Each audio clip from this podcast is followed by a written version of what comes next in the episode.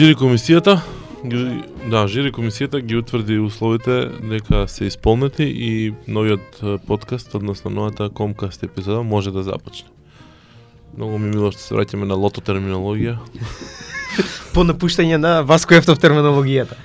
Имаме нова нова мотивација, нова како се го на тематска мотивација на новите епизоди на подкастот. Денеска понатаму ќе бидеме како лотарија на Македонија, која што нели веќе редовно ги носи среќа во вашите домови. Не, не, Оска, були не се сме, ништо не сме договаране. Добро вечер, добар ден, добро утро, кој како не слуша. А, еве сме во Радио МОВ. Без гостин и без, без сеат. Без гостин и без сеат. Ама без сеат и не е ништо ново. Не е ништо ново без сеат, така да. Конечно сеат ни призна а, дека намерно не бойкотира и дека не треба веќе да го планираме за радио емисија, освен во специјални пригоди кога а, неговото а, височество нели ќе биде а, желно да даде. Не, се шалам. Четвртак нема одговарало кој ден, конечно си призна, ама за тоа ќе успееме да Од наредната сезона да промениме. Ма не само што ќе промениме, него ќе го натераме сеат да нема да, да добие понуди кои што нема да може да ги одбиеме, свекаш едноставно. Добро. Нема врска. Значи, а, кога реков условите се исполнити, мислам дека имаме благо и вода на маса, така да све е во ред, може да идеме понатаму. А, направивме пауза минатата недела затоа што имавме многу заљубени во екипата на подкастот, односно на комкастот, па моравме да славиме а, Свети Трифон и а, заради тоа не немаше една недела. И оваа недела, заради тоа што малце беше а, поддинамична за поголем број на луѓе, не успеавме, не успеавме. Не донесовме гостин заради тоа што имавме теми кои што сакавме да зборуваме, но луѓето со кои што сакавме да зборуваме тука едноставно не беа во можност. Еден не беше во државата, едниот беше спречен од некакви други сосема оправдани причини. И рековме за интернет огласување ќе правиме муабет следната. Да. Значи тема требаше да биде интернет огласување. Кој ти пасворд на Wi-Fi? да. Значи темата треба да биде требаше да биде интернет огласување. Меѓутоа не, како што каже Дарко, не успеавме да Да, секако секако ќе ја зборуваме оваа тема, значи требаше да да дојдат тука луѓе од Publicis, од маркетинг агенцијата Publicis и луѓе од Interactive Advertising Bureau, односно председателката Савица и Ненад. За жал и двајцата беа спречени, но тоа не не не спречува нас да малку на кратко само го прокоментираме последниот инфографик или извештај кој што HTTP заедно со Ipsos го објавија пред некој ден, може да се најде на интернет на, на неколку различни локации. Значи, истражување кое е, во основа не се разликува нешто премногу по методологија пред се од она што HTTP и, и, и Nexens го извадија лани. Uh, нема да ги коментираме бројките во оваа ситуација, само ќе кажам дека uh, еве се надеваме дека uh, конечно ќе се обезбедат услови и интерес заеднички за да се обезбедат порелевантни бројки. Мислам јасно ни дека овие бројки се мали во било која во било кој сценарио, но е, без разлика колку се мали или големи, фактот факт е дека не се реалниот одраз на на, на целиот пазар на интернет огласување во во Македонија има некаква иницијатива, за тоа ќе зборуваме веројатно следната недела, така да толку од овој муабет само чисто како како мала најава. Ја не успеав да добијам интернет на компјутер или имам? Немам. Па Немам. немаш, не може да се поврзе на Немам. Добро, ока. Да. Имаш ти нешто некоја тема што ќе кажеш или ја моите мојата тема што ме боли од пред ден два да си да си ја рчнам? А не знам, ја би да да проговориме малце за Engage, што ќе се случува Да. А, задутре, па после натаму. Да. Да. локална тема да Да, да, да, да. Да, Па добро, да, во во Радио МОВ сме, Радио МОВ е, носител на на приказката Engage, втора година поред, е гордо пред нас стои платното од првата година. А, и гордо стои були под него под него. седи, седи. Односно седи, да. Седи под него. А, втора година, а, како што успеав да видам, програмата е проширена, односно сега покрај денска има и вечерна програма, и тоа не е во еден туку во два клуба, тоа е една работа, и втора работа покрај тоа што има и дневна и вечерна програма, сега имаме и паралелни сесии, односно работилници. А, покрај главната сцена во кино Фросина, која што ќе биде, имаме и паралелни паралелни сесии, односно работилници, две, четири, колку има таму? Да мислам дека се три работилници, Три? сега точно ќе И како го погодив да стави 2 4 3. Да, а, проверам. 12 сати е почетокот, јас верувам дека сите оние што се заинтересирани веќе се свесни дека ќе одат таму, затоа што треба се, требаше да- да се регистрираат минатата недела па да добијат потврда, но а, за разлика од лани, кога имаше некој слаб видеострим, кој што ние го бркавме, не го бркавме, немаше видеострим, имаше не? Да, имаше некој слаб видеострим. А, оваа година Е најавен добар. Е најавен добар видеострим. Така да а, би требало непречено а, без разлика на која локација се наоѓате да може да го следите, да ја следите а, годинешната Engage конференција. А и читате малце програмата, ја знам што има од прилика, меѓутоа не ги знам сите сите детали. Па за сите оние што добиле покана или е, односно при регистрацијата успеале да влезат на на Engage MK, им било одобрена а, апликацијата за за нивно следење на, на Engage MK. Треба да дојдат во 11 часот за да се регистрираат. Меѓу 11 и 12. Да. Помеѓу 11 и 12. Оно што е прво на на на самата на самата програма на Engage е презентацијата на на блогираме.мк Ево само Кој што пише ќе- Шукаровски на Да. Твитер. не поздравам. која што ќе ќе биде презентирана од Јован Димитров и Петар Шакаровски. А, следно на на на програмата е Global Game Jam Macedonија, а, односно онлайн versus офлайн активизам и презентер ќе биде Гораст Цветковски.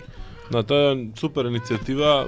Неодамна се случи се случи тој Global Game Game Jam викенд во Македонија каде што се развиваа игри, се се девелопира или се програмира а, во рокот еден викенд и да ти кажам право се повеќе и повеќе ме радува што се случуваат такви такви акции. Мислам дека беше релативно успешна колку што успеав јас на нет да забележам, не не бев нити дел од тоа, нити нити следев нешто примерно. Значи потоа има блогинг ин Косово, односно блогирањето во Косово, приказната за за за Косово 2.0.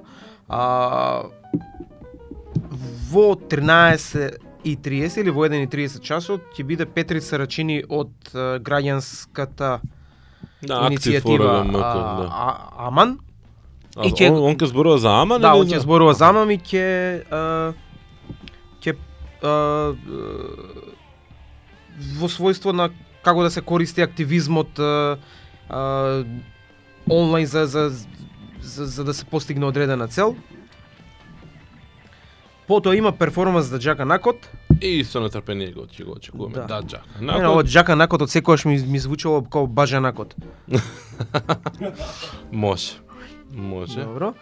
А, понатаму е а, про, а, на програмата имам го имаме Миша Поповиќ со операцијата интернет за темнување, се сеќавате на она а, иницијатива по повод донесувањето на на новиот а, Предлог за, за предлог закон за, за за навреда и а, клевета. и клевета, кој што требаше да декриминализира клеветата, меѓутоа која што претходно беше во, во, во самиот кривичен законник и можеше нели да, да добиеш и затворска казна за самата за самата навреда и клевета, меѓутоа новото решение најде кај, голем на голем отпор кај особено од, оние кои што се загрижени за слободата на на проток на информации на на интернет.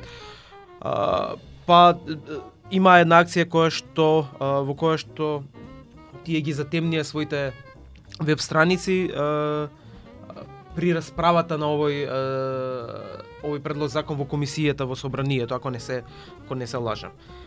Да. Да. Она што е интересно и што би го издвоим, сега да не ги читаме сите а, сите И онака е полесно на веб да си ги видите. Да, и онака е полесно на веб да ги да ги видите.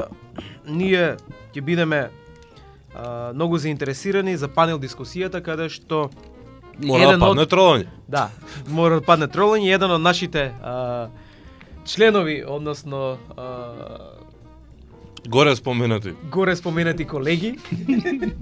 А, Сеа Джигал ќе учествува на панелот сатирата како одговор на на секојдневието.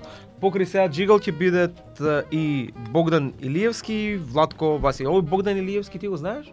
Абе, се збори дека ќе му прави прво и друго пратење нешто на сеат ќе му биле, ама не знам точно како ќе им биде шемата, ме свегаш. Бетмен е, бе, Бетмен е, таа. Не знам, е Богдан Илиевски, не го знам. Јас. Бетмен и Робин, ме свега. А Бетмен и Робин на, на, на, на мастерот. Мато е бајаста информација тука. Да. Океј, значи ова ќе ќе биде а, се надеваме една поинтересна панел дискусија која што А да, имам и скуп информација тука дека модератор, односно водител на целата таа сесија ќе биде биде Јели Пешева. Или Пеша? Да.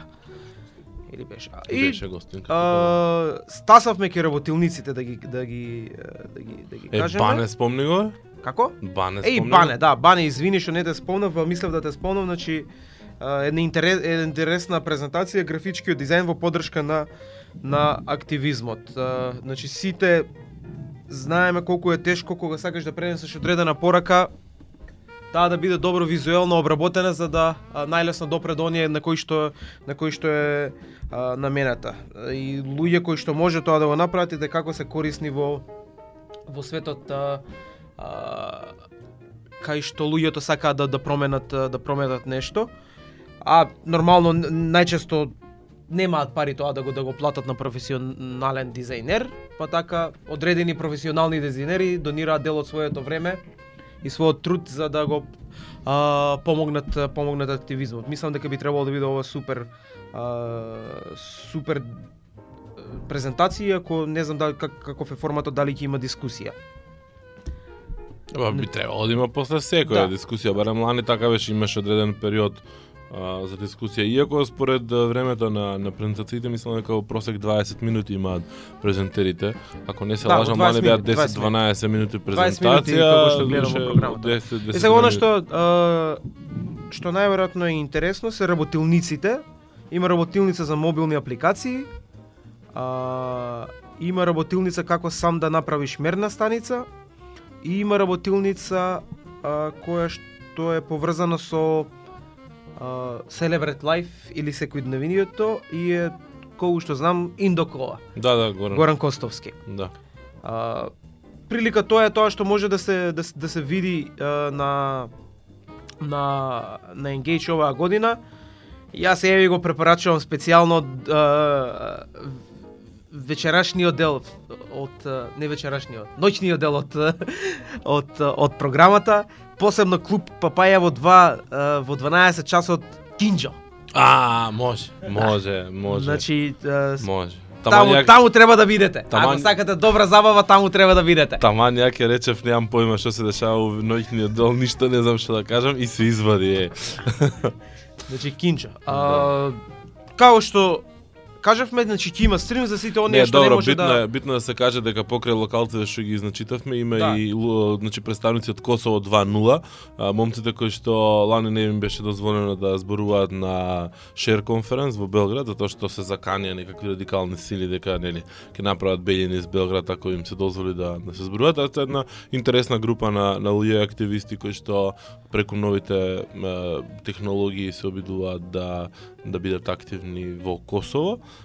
А, и плюс има од Црна Гора и од Србија. Мислам дека беше најавено од Дококино, ама не знам дали е потврдено во програмата. Да, тука се а, луѓето од Докукино. Мислам дека они имаат што да кажат, затоа што имаат на вистина широко портфолио на на а, студии на случаи кои што ги изработале, пошто мислам дека доста долго постојат како како организација, ако не се лажам. Така да, она што го забележав малце дека како полукритика може би да дојде, веројатно нели имат оправдание или приказка за што е така тоа организаторите. Оваа година немаме подалеку од регионот учесници, значи немаме луѓе кои што ќе зборуваат а се надвор од нашите комшиски земји. Мислам дека и Црна Гора негде имаше тука спомнато во презентациите. Добро, Црна Гора Но- не е комшиска. Добре, не, не, да, преку Албанија да таму. Да, ама како и да е, е нели, тоа е тоа е тоа. Супер што Engage се повторува, супер што расте програмски и во секој секој друг аспект. Се надам дека ќе има и публика повеќе, се надам дека оние што добиваат потврда дека ќе имаат регистрација одобрена на Твитер, дека на вистина ќе дојдат, затоа што знам дека минатата година имаше и онакви, мислам и луѓе кои што се регистрираа, кои што нели условно речено им го земаа местото на некои деца што на вистина сакаат да дојдат, а не дојдоа, не се појавија. А, нема оправдание, рано било вакво, било онакво било, програмата започна во 12 часот во МКЦ и тоа е тоа. Мислам, Да. Јас И сега да се вратиме на твојата нешто тема во На мојата актуелна тема ќе видиш ќе те погоди, мислам, ако не Ајде. ти ја спомнав.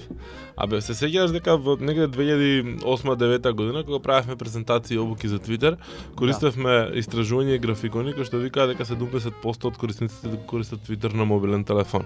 Точно. А, и таа бројка беше долго време активна. Се во моментот дека Твитер не Твитер кога не реши да ја промени својата стратегија, односно да се обиде да ги уништи што е можно повеќе оние third party апликации или апликации што се направени од други девелопери надворешни и да го под парадигмата на унифицирано корисничко искуство а, да прибере се под која своја капа, односно m.twitter.com, twitter.com и своите апликации десктоп и мобил за мобилни телефони. И а, кога ја почна таа таа кампања Twitter, долго време а, статистиката која што се споделуваше, на пример 2011-2012 година, велеше дека најголем дел од луѓето користат twitter.com и некои болни проценти имаше. Значи никаде ги немаше мобилните мобилните корисници. Знам дека во дадена ситуација на неколку статистики официјално објавени од Twitter реагирав за тоа. Мислам, ај сега не лажете, муабетов беше пошто нели уште немате мобилни апликации, па фурате Twitter.com и сега го форсирате го форсирате него. Е она што го приметив ве- веќе на почеток на 2013 а, две-три различни студии кои што излегуваат, нели, а, не, сам едната е независна од Twitter, другата е директно поврзана со, со Twitter, мислам како, како компанија. А, една беше као за некакво глобално користење, другата беше за Велика Британија. Повторно се враќаат на хит. Твитер најмногу се користи на мобилен, Твитер најмногу се користи на мобилен и всушност усари сега кога си го направиат теренот да биде нивни, пак си ја враќаат вистинската приказка, да, да, Твитер се користи на мобилен телефон. И ми беше онака многу безвезе, сакаш мислам. Па- Пошто си Тоа е- игра. Да, да, реално на вистина ги уништи сите Twitter апликации кои што многу олеснува и многу е тешко сега моментално да се најде а, солидна Twitter апликација која што га кога Twitter воопште не беше доволно развиен, а, не беше на нивото кое што е што е сега далеко подобро функционира и далеко подобро а, му овозможуваа на на корисникот да да прави различни работи на а, Да, а, со Twitter. А, покрај тоа и ограничувањето на на повиците кон кон а, на овие што се надворешни, а, е дополнителен проблем со тоа што особено ако ако си човек кој што има листи или функционира на Twitter со листи, а не чита генерален а, таймлайн сите што ги следи. А, и тогаш голем број од апликациите, затоа што секоја секоја листа прави повик, а, а, Да, значи повиците се трошат и многу многу често се случува да во текот на на на, на еден сат им 15 15-20 минути немаш никакво о- освежување од Twitter затоа што си ги потрошил сите повици од самата од самата апликација. Да, дополнително нели скрати некои од функционалностите што не може да се Да. пристапат преку API и слично. Мислам, ја ги разбирам комплетно. А, тоа е нивна бизнес стратегија и мора да направат пари, мора да го обединат искуството, мора да се прошират на повеќе корисници, имаат многу повеќе корисници, пошто моделот е таков, мора да имаат милиарди, милиарди, милиарди корисници за да може да направат пари. Но, мислам, Самиот момент што имаше период кога, не знам, барем мене така ми се чини дека онака безобразно крија крија некои детали или намерно не ги не ги прикажува како што треба, а, затоа што не им одеше во полза, ме ме нервира, мислам, сега гледам онака апла, ги сурфав на IT.com а, сториите повезани со Twitter пред а, пред некое време и еве гледам на пример во 2011 година има сторија која што вика над 100 милиони активни корисници, 55 од 100 твитовите доаѓаат од мобилен, ме сеќаш. Значи не знам, друга некоја сторија која што вика исто не не е толку голем број. Сега во излезе статистика во Велика Британија дека 80% од твитовите се се од мобилен телефон, што у принцип радикално радикално Да. зголемена зголемена бројка на твитовиот мобилен телефон. Како и да е, муштам уште една тема што мене ме беше интересна на на у тој домен, значи Twitter. Имавме ни една специјална епизода каде што Facebook го споредувавме со телевизија. Е сега ако Facebook го споредувавме со телевизија, тогаш Твитер а, со радио. Не, Твитер не го споредуваме со радио, туку Твитер а, а, всушност не ја замену, не, не станува телевизија по некои по некои параметри, туку а, прави партнерства и навлегува во телевизијата како партнер. А, не знам, може би тоа е интересна тема, да ти и сега еднаш ја зборувавте низ призмата на, на NBA. А, меѓутоа, кога последен пат си гледал некоја серија, телевизиска серија, во која што не се појавило во ќош некаков хаштаг додека трае серијата. Најмалце, најмалце еден хаштаг. Чекај, чекај, дали имате гледано на МТВ? Се знам дека е тешко ова што го кажувам на МТВ. На МТВ да гледано имате нешто. А, легендата за Хиспанија, некој си е, некој си историски Добро. серијал. Добро. Значи серијски филм. И најверојатно знаеш имаат ресторани кои што лепат овие Wi-Fi, виза и без разлика дали имаат внатре, па ќе го залепат Мгм. знакчето затоа што гледат на другите ресторани дека има такво знакче, па мислат дека треба да се залепи такво знакче. Аха. И по принципов на ова што или по најверојатно виделе од а, од другиве а, Добро. серии а, или од на пример ја најчесто тоа го гледам и нај највпечатливо ми е на The Walking Dead, таму го има. Мгм, мгм. А, и си има хаштаг Да, И да, The Walking Dead си е тема. хаштаг. Да, ама Е, сега. и теми од секоја да, и емисија, теми, да. да. имаат и теми, да. Е сега Арно ама на македонската телевизија имаш хаштаг Аха. празно место, збор, а, уствари а, легендите, празно место, на, празно место, Испанија. На кирилица. На кирилица. Не, не е проблем што е на кирилица. Да, да, не, проблем, значи они си го напишале. Да, они си го напишале, меѓутоа имаш хаштаг празно место. Па, Да легендите нема долна црта, да не се видел. Нема долна црта. Е, бе, Барем мора не можем- сликаш ова. Барем не можам да, да, да го видам. Па сакам да го сликам, ама ме мрзеше. Чекај, сакаш да кажеш дека они го направиле ова и знаат што е и Па тоа се прашувам јас, дали они знаат а, зошто се користи хаштагот, што го виделе најверојатно на некој од овие популарниве а, телевизии, или некој таму му се видело фино, е сега овие го прават тоа, да и ние да го а, Е, да го правиме. Мора да се испита, е, мора да го Ова го гледаме. Не знам, може би они мислат дека е ова го гледате. Као доаѓаш на телевизијата и не знаеш што е серијата да, и да, да. ова го гледаш. Кој што става у ќоше онакви Да, делчиња да. сега. Тараба, гледате. ова го гледате. Тарабата мисли, ова го гледате. И многу, многу, многу ми беше интересно и смешно и на вистина не, не сум сигурен дали дали некој тоа од незнаење го има направено така или или воопште не знаат дека дека дека е за Твитер тоа.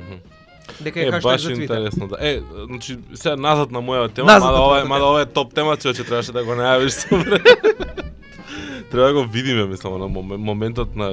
На моментот овие што ја кога го видов бев шокиран, не не не, не Не укуца да повераш да видиш некој да не твитал, така? А, види се, дури не, бу укуцав уствари. Укуцав и пробав немаше ништо. Немаше ништо, а? Да. Да. Е, па тапа публика има гледачка, Да. Не, дури тоа тоа ми беше дури дури на вистина да го направиле тоа не верував дека ќе имаше некој твит за серијата, па што не кој знае шо. Аха. Е, ама баш тој тој тој муабет дека всушност онаа цела приказка на second screen дома и на синергија помеѓу телевизијата и социјалните медиуми се се случува со Twitter многу повеќе. А, и Да. е, имаше налетов на една информација, не е баш претерано нова, мислам 5 февруари, во која што Twitter објавиле дека купиле еден стартап што се вика Bluefin Labs, кој што е стартап кој што е бил специализиран за изработка на статистики и рейтинзи на телевизиски серии на социјалните медиуми. А, тука, нормално, во главен фокус е Твитер. И сега што прават они? Ги следат популарноста на сериите, на епизодите, на, на, на хаштагови, на дискусии, на акаунти чуда враго и прават некакви рейтинзи за ТВ програми и ТВ емисии а, што е принцип супер. И сега, значи, Twitter ги купила нив за да ги собере тие статистики, за да може полесно да продава понатаму, затоа што во полза на ова одат уште две работи. Значи, да, на тоа дека Twitter и телевизија се интегрираат многу повеќе, допрво ќе го гледаме тоа А, на знаеш, глобално ниво. Само секунда, да ги кажам двете работи да не ми избегаат. Значи, едната работа е тоа дека Twitter уште од лани има ексклузивен договор, односно партнерство со Нилсен, со кој што со кој што развиваат а, Нилсен Twitter TV ratings. Ме. И се ова плюс статистикава што ќе се додаде, не, од овие Bluefin, веројатно заради некој парче технологија ги имаат купено. И втора работа, а, значи а, анализата, мини анализата што испадна на, на, на многу места а, после а, The Big Game, после големото финале во во NFL лигата во Америка, каде што се покажа дека на рекламите, на ТВ рекламите, што најскапите ТВ реклами, не знам, 26 од од од, од 27 од 50 имаше Twitter хаштаг, 4 имаше само Facebook, еден YouTube еден Instagram спомнување, нека таква статистика беше. Значи каде што Twitter доминираше на на телевизија, ме свегаш. А, и тоа е онаков некој еден убав, убав интересен муабет кој што Па најотворено мислам за, за, за, за како платформа за за такво нешто. Не, тука нема дискусија, мислам нели минатата епизода, Да. минатата емисија кога беа и, и, и Ели Пешеве и Боријан тука зборуваа дека нели на Твитер им е повеќе и моди комуникацијата, дека Да. о, о се развиваат нивните видеопроекти дури и во живо да кодат а, тие си ги имаат, значи Ели Пешева во Зебра си ги имаат тие хаштагови и слично, меѓутоа Да. се уште некако ми се чини дека тоа е далеко од мејнстримот во Македонија и прашање ми е, мислам прашање на време ми е кој и кога би би бил најсоодветен да воведе една таква култура, да потикне на во култура. македонска телевизија пробува, сад не знам дали пробува на вистински начин, дали Да. тоа е. Добро, Ама има има и на ум дека на пример има радио емисија со Петар Петар Запојадо како Петар беше Запојадо, на, да. на кој радио тоа? на Метрополис. На Метрополис? Да, да. Е, каде што они си имаат так ми се чини не знам дали секој утро тоа. Да, секој утро, секој работно утро Петар Ја Запојадо. неколку пати сум го сум го куцал тој тој хаштаг. Таму си има, да. И си има дискусија, да. значи си имал. И не е нешто претерано многу, меѓутоа си има. Има очигледно е толку рано са Да. бајле и слично. Па почнува во 9 ако не се лажам. А, потош не е толку рано са бајлеш. Ја мислам дека е многу порано. Не, врска, сакам да кажам дека дека навлегува цела оваа синергија во во мејнстрим по светот Да. веќе некое време, мислам дека се напреднува нивото многу многу повеќе се оди на некои многу по а, по напредни форми и статистики, аналитики, анализи, чуде врагови. И сега нели муабетот е што би очекувале, каде може да очекуваме во Македонија да се да се случи вакво нешто, не знам, може би Жарко еден на еден, пошто вклучува и он некакви твитови, чуда врагови, дечкото е активен на Твитер, може би од него може да се очекува нешто, или некаде, не знам. Мислам, Па нема... нема или у Джиш шоу на Игор Джамбаза, може би, ја уште не сум го гледал. Поарно да не го гледаш. Не ми мафта були така со Поарно да раката. не го гледаш, мислам. А добар хаштаг би бил джиш. А? Ама он Добар си го има. би бил джиш. Ама он си го има, ама само што не, не, не го промовираат а, самата емисија. Хаштагот си го имаат. Да, ами да Луѓе си тролаат што. Да, да, да, да, да. Меѓутоа ја не гледам превен емисија или продукција македонска која што може да го направи сега тоа. Тоа ми е првен проблем од мене. А зошто? Доволно- што е проблемот? добра- Да ќе го закачиш хаштагот на екран. Што е проблем? Добро ќе го закачиш хаштагот на екрана, ама очигледно не а, од нема доволно популарност ниту едно од овие а, емисии или а, зависно зависно што е за, за, да, за да предизвика потреба кај луѓето да Да му авите на тебе? да му абетат, да твитаат. Мислам, The Walking Dead е, гледам The Walking Dead. Да, твитовите, да, знаеш, не, не, нема кузне што тука дискусија, али серијата сама по себе предизвикува огромна Мм. огромна потреба кај луѓето кои што се идентификуваат дека се гледачи на таа серија да кажат нешто во врска со тоа, па макар и било тоа наједноставното, гледам Да, Walking Dead на новата епизода. суд, суд ја гледам а, во последно време, мислам во последно време ја изгледав Да, цела, ми- чекам уште последно Значи да не зборуваме сега за за The Walking Dead или купена серија што има Да, било да. која телевизија во Македонија. Туку зборуваме за македонска продукција. продукција Да. а, на ниво кое што ќе може да предизвика такво нешто. А, моментално нема. А, последно, последна а, емисија или по, пос, послед, а, последно нешто што такво што што можеше да предизвика такво нешто беше студио на на А2. Да, знаеш, сто И- пати го спомнувам. Да, сто пати го спомнувам. Иако нели а, они воопшто не ни баја заинтересирани да користат а, во тоа време такво нешто, меѓутоа сама по себе а, таа таа продукција предизвикуваше интерес кај луѓето. Сега не гледам јас таква во во Македонија што ќе предизвика. А, не мислам дека не е незнаење од страна на овие што што ги имаат шоуата и емисиите во Македонија за за користење на на на социјални мрежи, туку и да го имаат знаењето дека ќе го не ќе немаат повратната врска затоа што не им се популарни Мгм. а, самите самите емисии. Може би Миленко нешто и да- Ама па добро, пресинг, пресинг може би на алфа, ама алфа генерално има слаба гледаност. слабо гледаност има алфа. Мгм, мгм. Тоа е тоа од прилика. И сега ја тоа што сакав претходно да го кажам во однос на, на прв, втор екран и така натаму, Мгм. нели што е поврзано особено со со телевизијата а, и Твитер е од секогаш сум а, сум имал а, желбата да да првиот и вториот а, екран ми станат еден. А сега со смарт TV ги ми правиш па отприлике Имаше некој да. твит денес како фатив Да, со отприлике комбинација. да, е, отприлике е Smart TV и сега имаш Smart TV во кој што нели ти имаш и Twitter и Facebook и YouTube и, и се, се што имаш на на мобилниот телефон или да, или малте на компјутер можеш да го најдеш, можеш да го најдеш и таму. Меѓутоа не можеш да комбинираш додека јас што се вика она слика во слика.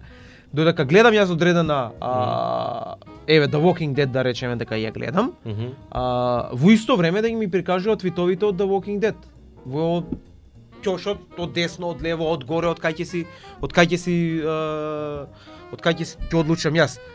А,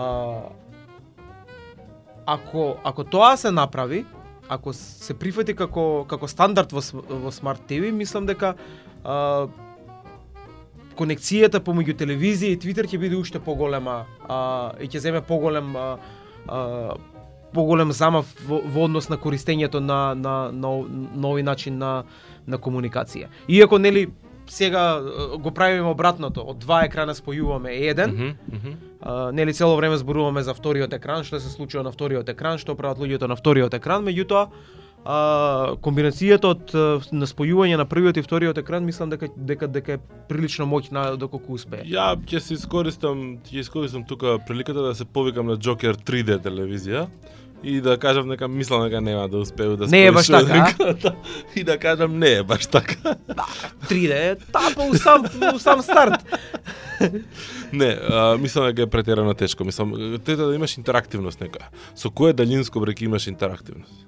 Не, не, не, не, Значи... Как, каква интерактивност имаш? Пази. Мислиш во смисол дека ќе ти иде телевидео содржина на еден на еден дел екран, на другиот ќе ти идат стримови Значи од ти Twitter, па, нешто да, што? да, ти паќе Ма- го имаш вториот екран за за да за за, за, за интеракција. Добро. Меѓутоа, ти го намалува а, а, вниманието, односно а, ти го ти го зголемува вниманието на, на на што се случува на првиот Главно, екран. Да, да, да. Затоа што многу често во последно време луѓето повеќе обрнуваат внимание на вториот екран Апсолутно. отколку на првиот. И понекогаш што е проблем.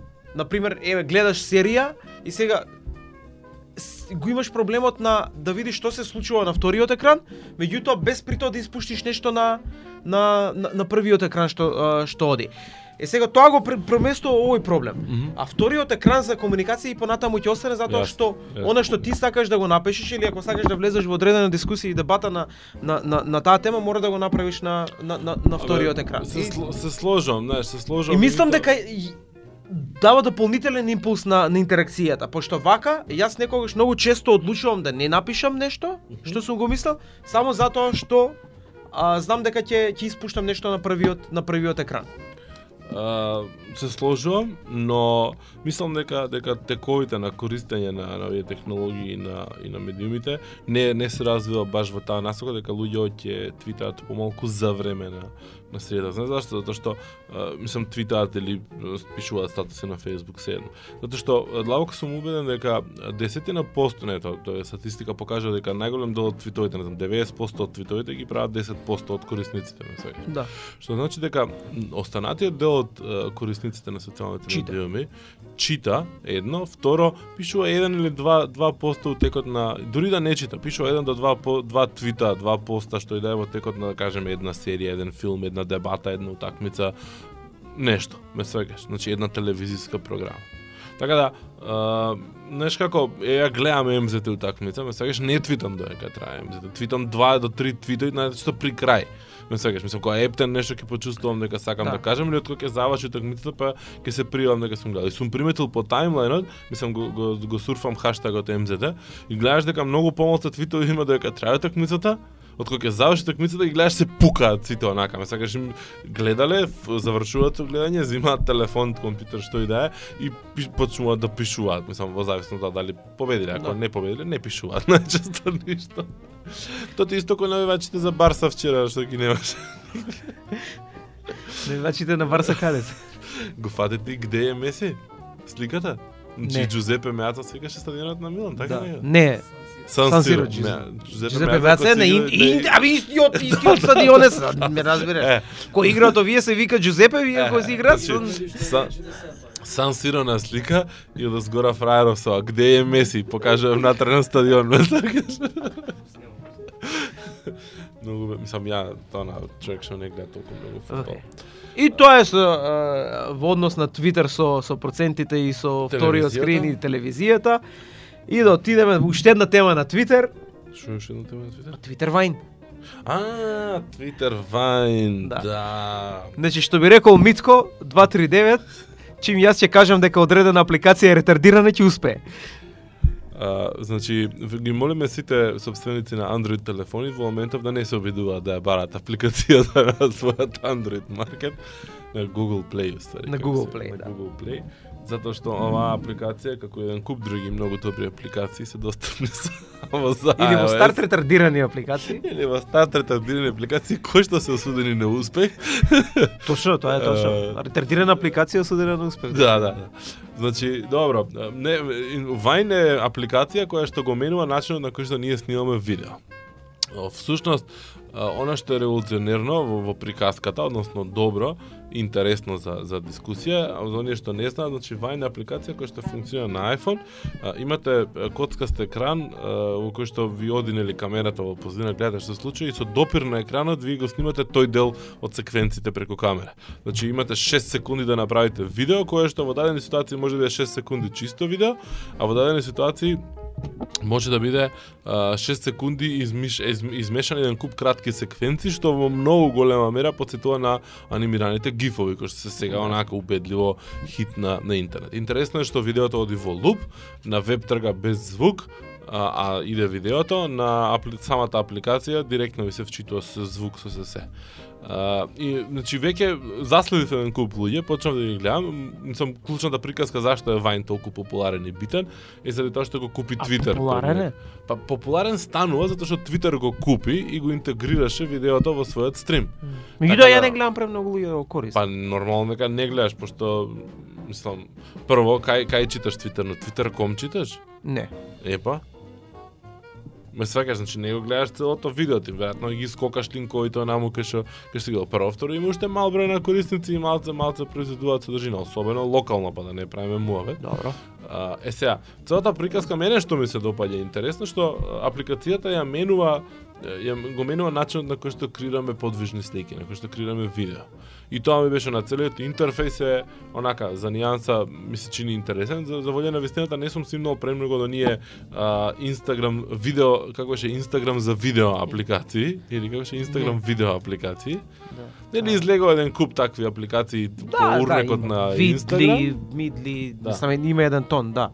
Кои што се обидува да бидат новиот Инстаграм ама за видео. Ма нема тони ништо револуционерно во во нивните апли... Да, во апликации да. затоа што а, они ја копираат целата а, идеја на на Инстаграм, ама наместо фотографија ти е видео. Да, да. Е, И нема нема логика затоа што нема логика. Има а, логика за меѓутоа не може да биде толку толку ти популарна како како функционира Vine си користел или не? А, сум видел како функционира Vine. а, как, не сум не сум Мислам, пази, јас.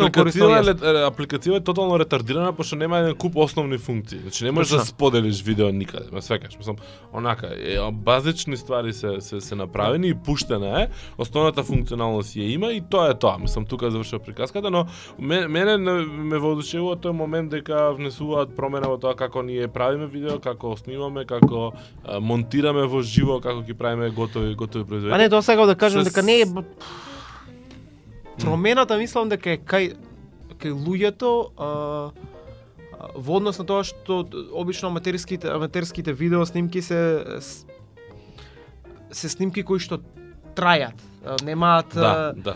а, немаат она како се вика втора камера, трета камера. Вајн го прави токму тоа.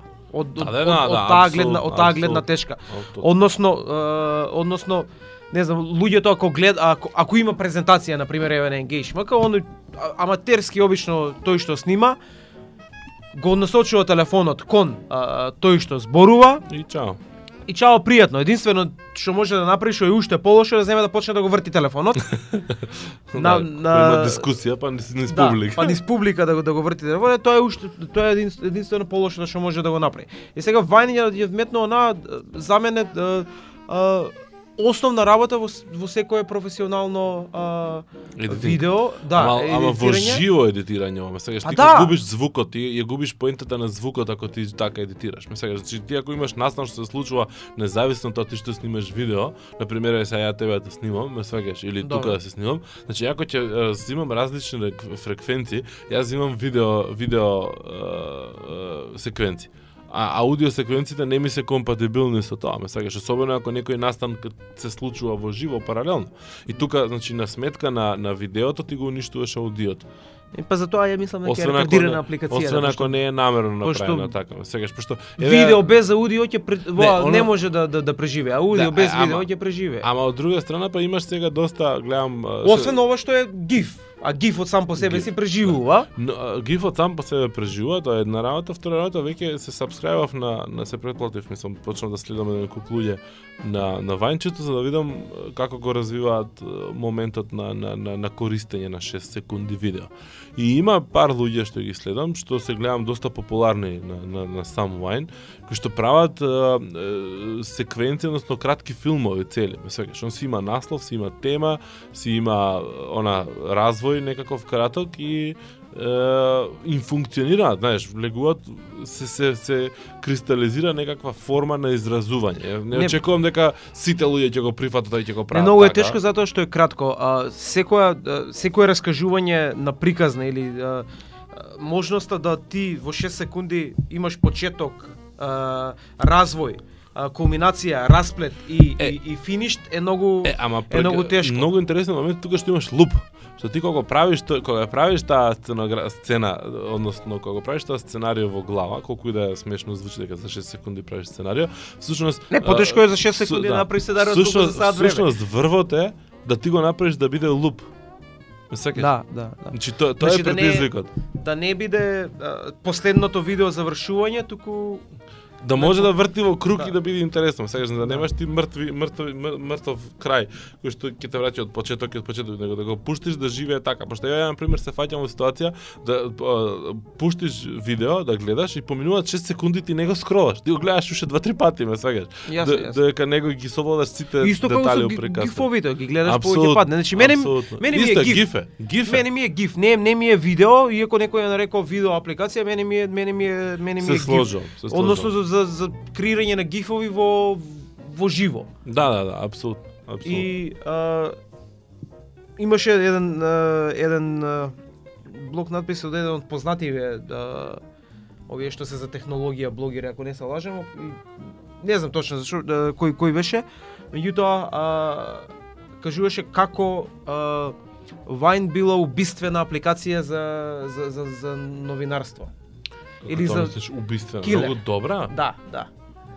Ајде. И HubSpot стигна да извадат совети како да Да, употребувате. аз веќе да како да употребувате Вајн, мислам тоа ти е.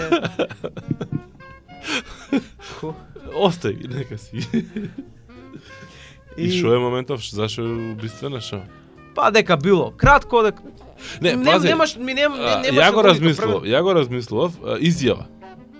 Значи взимаш изјави и ти ствари правиш лайф репортинг од настан а, во живо со Добро. видео. Со Вајн. Значи ти ако си новинар, одиш на пример некаде на некој настан, Ама, ама аудиото како? Ама едно парче. 6 секунди, 6 секунди, 6 секунди, 6 секунди. Ме сакаш, у смисол, еден соговорник, втор соговорник, трети соговорник, четврт соговорник.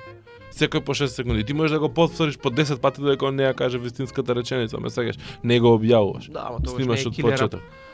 Па добро, ама сакам да кажам дека по, баш си го размислував тоа, дека постои некоја форма како што ти која во која што ти Не како знам, пре, премногу е да ја ограничено за да може да се користи во, Не, во ама новинарство. добро, се сложувам, но гледа го И низ- така да биде најавено као ова е веќе Тоа американци нормално.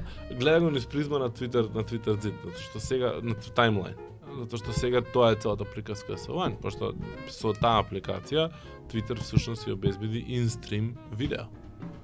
Знаеш, Е, да, и ќе се биде да го тргне YouTube, затоа што у теорија ти има своја содржина, нели Инстаграм ги тргна сликите и така натаму, за да може да се Ги тргна Инстаграм слика? Да, бе, да, нема више превју на Инстаграм слики, нема Да, да, више да, да, да, да, твит пик користење, нема ништо. Нивниот сервис за слики, нивен сервис Да, за ама тоа одамна беше дека нивниот сервис треба да се Да, со да, Twitter. Меѓутоа сервис имаше превју за, за, за Инстаграм, не знаев дека не, го го тргнале тоа. тргнаваше пред некој време. Па Инста Па не само што го па тргнаа, постоа туку во, во мобилната апликација, да во мобилната апликација на Твитер веќе угради а, а, можности да ти едитираш Да. фотографијата. Значи имаат одредени филтри, Да. сушност ти прават не што ќе користиш Инстаграм, еве Да. ти кај нас ќе го направиш А не истото. сум не сум наретал на истражување да, да, да кажат како како им поминува тој момент со Па филтри. не знам, ја ја ја го ја го забележав без при тоа да знам дека дека го имам, пошто нели новиот апгрейд на апликацијата, не сум прочитал што има новиот апгрейд. И кога кога сакав да споделам слика го имаше го, го забележав баш тој тој момент иако претходно а, некој ми каже дека дека го има а, го има тоа. А, и е прилично фино изработено, не е тешко, лесно е за за користење, меѓутоа сосема е различно д, д, она што го прави Инстаграм и она што што Да, да, да. што го мислам, прави ова. да. Нели кога јас реков дека дека апликацијата а, Инстаграм е ретардирана, мисля во смисла на она што ти сега го кажа, недостасуваат основни функции Да, да. на кои што сега им му е проблем на Вајн. Инстаграм уште им им недостасуваат одредени Па тоа, одредени дури одредени сега го воведоа веб Да, прегледот. одредени функции. Значи ја тогаш кога го кажав тоа, мислев на на на на, на, на тој тоа момент. тоа е тој lean Меѓутоа startup никогаш не го да, да, никогаш не го да, размислев, да. нели моментот на на на на они што го направија промената на комуникацијата преку визуалното Да, да. изразување и, и, и создавањето на на на таа мрежа на на на, на корисници односно социјална мрежа. И сега Twitter може да направи исто тоа, меѓутоа исто, не да. е исто со а, со Инстаграм затоа што е насочена баш ниш група на луѓе кои што сакаат визуелно да се изразуваат со со фотографија. Јасно е. Е па т- мислам дека и Вайн ќе биде во даден сегмент, мислам можеше да се развие во таков во таква насока како Инстаграм, е сега со тоа што толку рано ги купи Твитер може да да влијае многу многу Да, поразлично. на нивниот тоа. развој. Точно. Иако мислам дека сега само као Вайн за iOS дека не може да влијае нешто претерано многу, знаеш, да да промени. А мислам дека во моментов појма немам, не, не следам статистика толку многу, меѓутоа самиот факт што толку рано ги купи Твитер нема да им дозволи на Вайн да станат толку големи и толку, знаеш, култни сами по себе. А, затоа што нели Инстаграм стана култен сам по себе предходно, па постоа Facebook Да, го да, купи и да. стана мас. А Вайн прашање дали ќе стане култен сам по себе додека е под Твитер. Тоа тоа беше огромен удар на на а, корисниците на на Apple. Да, Првен да. извадија апликација Instagram за Android, првиот удар го доживеа тогаш Да. и наред, наредната недела Facebook го купи Instagram и Да, тука да, беше а, Ок, да, не, 50 не може не можеа да се не можеа да да, да, да се помират. е, 50 минути ми те. да, да. Па доста е. Имаме уште некоја тема или немаме уште некоја тема? Па, н- Тоа е, тоа мислам. Ај може еден збор само ќе кажам за крај, но чисто еден сајт нов да спомнам. А, да, да, денеска се појави еден нов сајт на македонското медиумско небо, што ви рекле овие е, стари новинари. обзнана. Обзнана. Не, не како ше, не, како што се Осамна. Осамна. Осамна. Осамна. То, Осамна, значи да. денеска изутрина осамна. Не баш изутри, да? Денеска breaking.net се се се појави, е, сатиричен сајт со вести. Е, Две недели после нашата дискусија со Дарјан за а, да. за сатиричните И неколку дена пред дискусијата на Engage, за да, за, за сатиричните пошто и таму ќе биде сатирата како Да, израз на како израз. држ не дај нешто му. како политички активизам. Да, и плюс Кромит Фест, да не го забравиме дека МОВ го организираше Да, у да. исто време Кромит Фест, кој што ако добро видов, финали победниците, финалистите ќе бидат со нема финалисти, победници. Чекај, победникот се се бира со број на гласови плюс жири комисија гласа нешто. Да. Значи ќе биде на Engage објавен Да, да, победникот, објавен. Стефан Алексиќ го објави победникот. да. Сега ние ќе го прашаме да го видов кој е победникот, да да знаеме. Да, значи тоа е тоа, се појави Breaking кој што е сатиричен а, а, сајт, а, односно с а, пренес, пренесува сатирични а, вести. А, како што пишува на самиот сајт во кога отидете во за правене по моделот на најпознатиот светски а, а, сатиричен или комичен Вестник, медиум, пошто они почнале како да. вестник. Они како да, точно. о, и вестник, се уште излегува еднаш вестник, да. вестник, Onion. Онион, да. Кога јас имам држано во рака Онион. Е, Да, стварно? да. Ако не се лажем, имам и некој да зачувано Дома. Да се сеќавам дека имаш донесена ама. Да, не- имам донесено не, Не. а, од некаде. И еднаш имам купено кога кога бев во, во, во Америка Онион. И интересно да купиш Го вестник. има на трафика?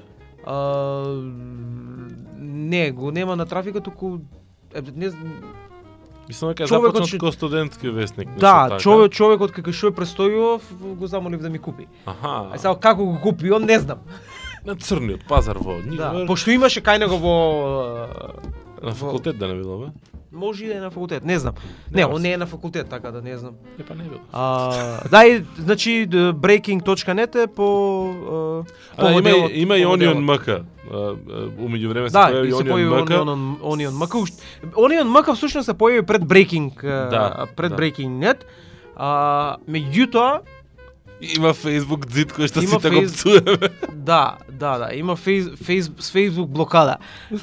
да. А, е, понекогаш е да, а, нели, овие пос, по- последна практика е да што е можно повеќе ги ја врзаш содржината или гледањето на содржината со со со лайк, односно paywallот или плаќањето на гледачот да биде неговото споделување автоматски на на на Facebook. И сега на некого тоа тоа им ус- и, им успеа, меѓутоа кај а, кај Onion МК не гледам некој а, посебен Не сум успех, посебен успех само поради тоа што што користат. Може би а, особено поради тоа што а, една тоа е една содржина која што е сатирична, кој што а, Би требало што сама да патува, мислам. да, би требало не само Што сама да патува, сама туку од себе, погледни ги на Breaking денеска вестите и на и на и на Newsnet вестите, мислам вчера веста на Newsnet што објавија за кравите За за, кравите, млекото, дека не беше знаат кога. 3.500 споделувања, лајкови на Facebook за неколку сати.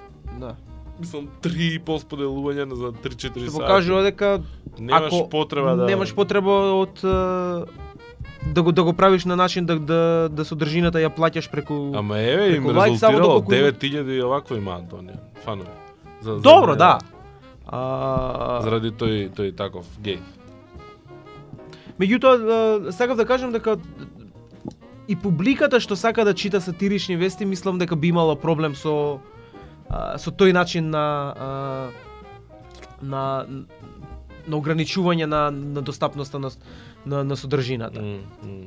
Се сложно. Са не е не е ова мене мислам дека најус, најуспешни или погледни ги кои се најуспешните такви приказни кога има плаќање на, за да погледнеш содржината со клик се професорка фатена со ученик. е, Да, да, да, да. Так, Такви ептен жолт, не жолт, туку не знам каков печат е тој, мизерен печат. А, значи тие се тие успешните каде што се, се задира во приватноста, во интимноста на на луѓето и само тие тие некако ми се ми се успешни кога кога го прават тоа. А, овие другиве што сакаат да да да, да споделат некоја пос, посериозна содржина некако а, мислам дека им е погрешен пристап да да да, да ограничуваат достапноста на содржината. М. На тој начин. Да, да, јасно. Не знам, подобро Револтира, бе. подобро подобро плати направи пет денари нека плаќаат некако отколку може би повеќе луѓе така ќе по поискрено ќе биде отколку отколку ова. Јудо како и да е, тоа беше тоа за за за вечерва. Uh, не знам која поред беше 58 ако не се лажам. Чекај ќе проверам сега да. минутам. да. Бидете така. 58 а, зборувавме на неколку теми. Првата и нај најважна, најголема тема за која што зборувавме беше Engage, кој што се случува ова оваа сабота со почеток во 12 часот.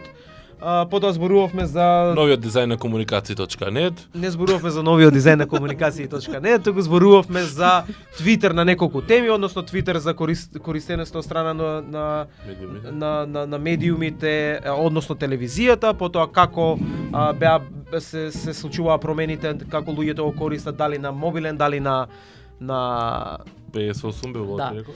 Да, дали на мобилен, дали на, а, на, на вебсайт, дали на немобилен и е, ретардираната апликација според мене Wine, која што е поврзана со Tinder. И еве ќе го завршиме денешниот подкаст со еден скреч од а, миксета до мене што е тука. Пријатно.